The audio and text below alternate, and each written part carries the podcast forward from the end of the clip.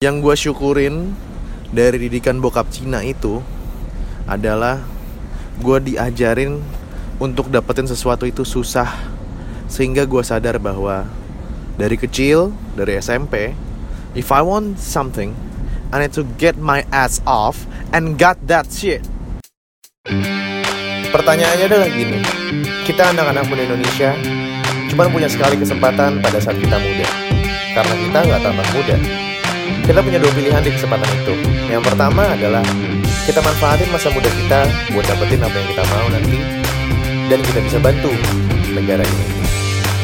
Atau kita nikmatin masa muda kita, kita hura-hura, kita foya-foya, kita merusak diri kita, dari kita mati, ya jadi apa-apa. So, this is Muda Cuma Sekali, Self Development Podcast, and I'm your host, All. Let's rock, baby. Yeehaw! Balik lagi bareng gue Ogut di Muda Cuma Sekali Self Development Podcast for Indonesia So, Indonesianya sok-sok Inggris banget Indonesia apa sih?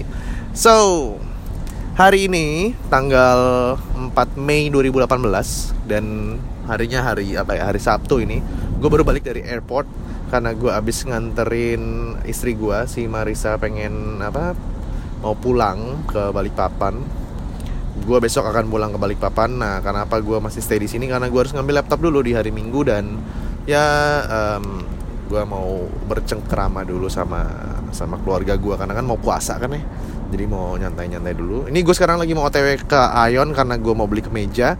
Jadi kemarin gue habis jualan something, ada ada untung lebih lah ya kan. Jadi ya bisa lah beli kemeja dikit-dikit. Jangan lupa membayar diri kita juga. Kenapa gue beli kemeja? Karena pada saat gue ketemu orang pakai kemeja itu it is really good. Itu menunjukkan kita profesional dan kita knows how to dress. That's it.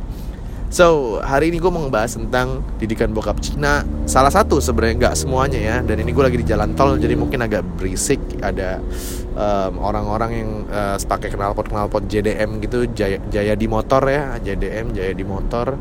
Jadi mungkin agak berisik. Cuman ya ini lagi kepikiran aja dan ini menurut gue penting banget buat lo semua dengerin oke? okay? So ini adalah salah satu dari didikan bokap Cina. Kalau misalnya lu tahu stereotip orang Cina ya, bokap bokap Cina ya, mayoritas ya. Biasanya orang-orang yang bokap Cina itu, yang punya keluarga Cina itu, biasanya didikannya tuh keras. Keras tuh maksudnya gimana? Bukan berarti digamparin, dipasung, disalib, dikerem, di mutilasi enggak enggak kayak gitu. Keras tuh maksudnya apa? Bokap kita itu kalau misalnya orang-orang Chinese ya mostly ya, nggak semuanya gue bilang itu mostly itu dia ngajarin kita tuh bahwa hidup itu tuh penuh dengan perjuangan. Jadi kalau misalnya mau dapetin apa-apa itu tuh kita harus usaha gitu nggak bisa yang kayak cuman modal nangis modal ngomel-ngomel modal marah-marah itu didapetin apa yang kita mau gitu terus gue lagi dengerin dengerin podcast juga dan ada yang bilang bahwa kalau misalnya or kamu mulai dari nol mulai dari hidup susah itu kita akan lebih sadar sejak dini bahwa kita tuh nggak bisa berharap sama orang. Kita tuh harus stand for ourselves. If we want something we need to get that shit done. Okay we need to get our ass off and get it. Karena nggak ada orang yang bakalan ngambilin ngambilin simpelnya ngambilin layangan lo yang nyangkut di atas genteng orang terus ngasih ke lo nggak ada. Kita harus manjat sendiri dan ambil sendiri. Nah ini ada kaitannya dengan uh, didikan bokap Cina ya dengan didikan bokap Cina itu kaitannya apa sih dari dulu tuh untuk dapetin sesuatu gue tuh nggak gampang. Nggak kayak pah eh pah, pah lagi. Pih minta beliin handphone dong. Langsung dikasih gitu. Ya nanti tiga hari lagi dikasih. No damn no man. Gila buat dapetin sesuatu dari bokap gue tuh susah setengah mati oke? Okay? nah habis itu gue bakal ceritain nih awal mulanya tuh gimana sih? Kok gue gue gue bisa disusahin gitu loh untuk dapetin sesuatu gitu. Nah awal mulanya tuh gini bukan berarti waktu gue bayi gitu ya.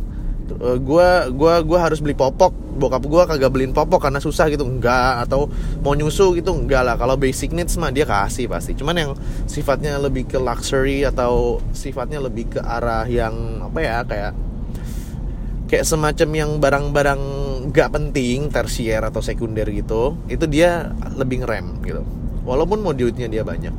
Dan by the way sampai sekarang gue nggak pernah tahu gaji bokap gue tuh berapa Nah, abis itu waktu dulu awalnya gue inget banget, gue tuh dulu suka banget yang namanya Robert robot ini robot uh, Power Ranger ya kan. Dulu kan ada robot piramid ada Ranger apa uh, Zio Ranger ya kan ada Mighty Morphin Power Ranger. Anja ini gue so R nya so so bahasa Inggris banget. Mighty Morphin Power Ranger.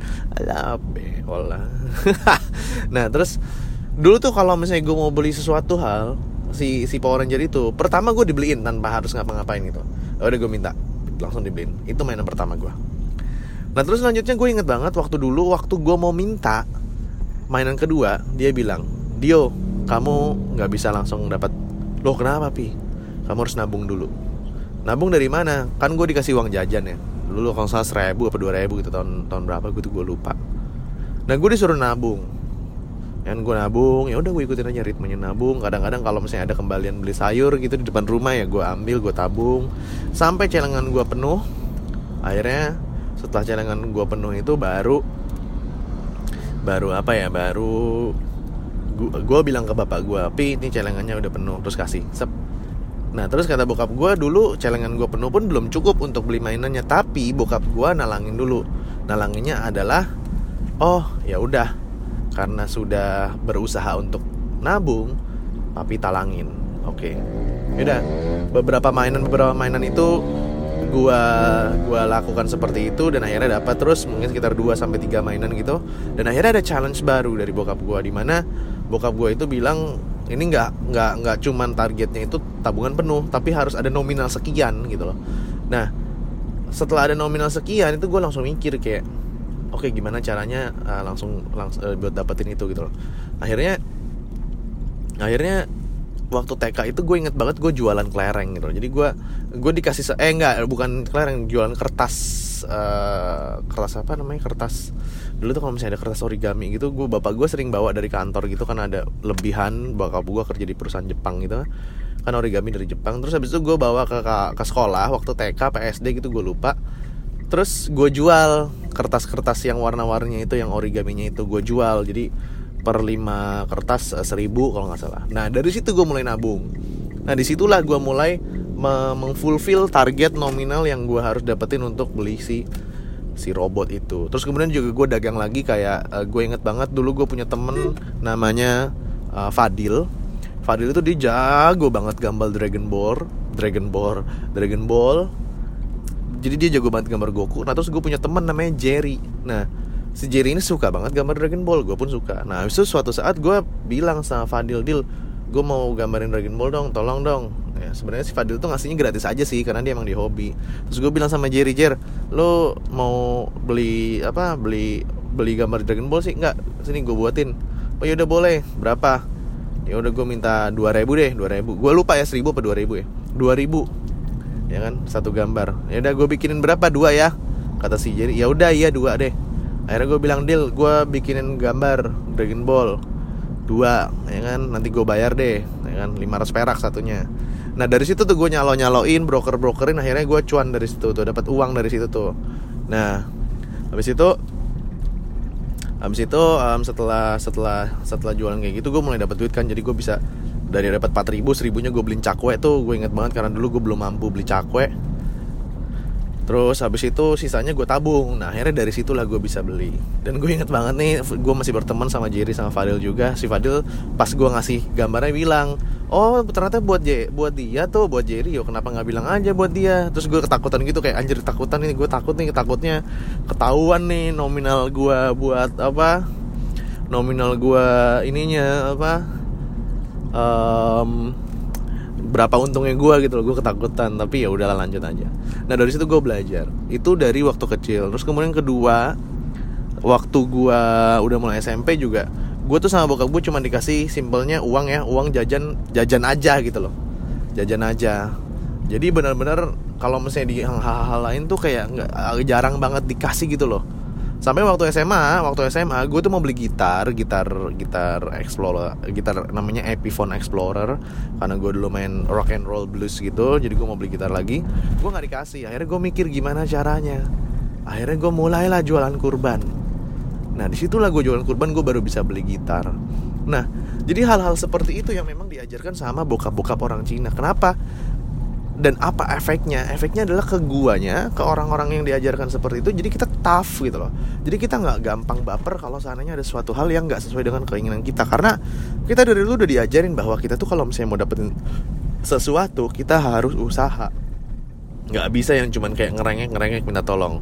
Nah kalau misalnya lu sering lihat anak-anak anak-anak zaman sekarang tuh banyak yang manja tuh salah satunya adalah karena dari kecil emaknya itu nggak tahan sama tangisannya dia akhirnya ya udahlah daripada nangis dibeliin aja. Nah akhirnya anaknya kalau misalnya uh, kalau misalnya mau beli, mau sesuatu dia merengek. Tapi pada saat nanti dia udah lepas dari dunia dunia dunia dekapan orang tua itu pada saat dia mau sesuatu dia merengek sama siapa gitu nah dengan didikan yang dilakukan sama bokap gue itu yang gue dapetin adalah satu hal gue nggak pernah nggak pernah hampir nggak pernah gue nggak bisa bilang nggak pernah nggak pernah naif gitu ya hampir nggak pernah gue berharap orang akan menyelamatkan hidup gue. Never. I never feel that like that. I never feel that way. Never.